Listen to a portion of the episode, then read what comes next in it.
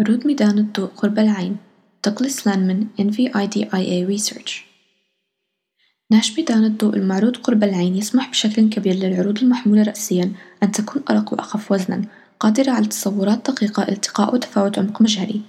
عروض ميدان ضوء قرب العين تصف صور حادة من عناصر عرض بعيدة عن التركيز خلال توليد حقول ضوئية مشاركة الرد لمشاهد افتراضية واقعة ضمن النطاق الطبيعي للمشاهد.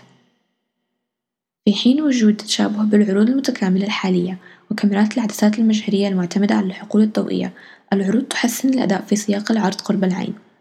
عروض ميدان الضوء قرب العين تدعم تعديل العين باستمرار خلال عمق محدود من الميدان، وكنتيجة توفر تكوينات مجهرية طرق لمعالجة صعوبة التعديلات التي تتبع عروض المجسمة.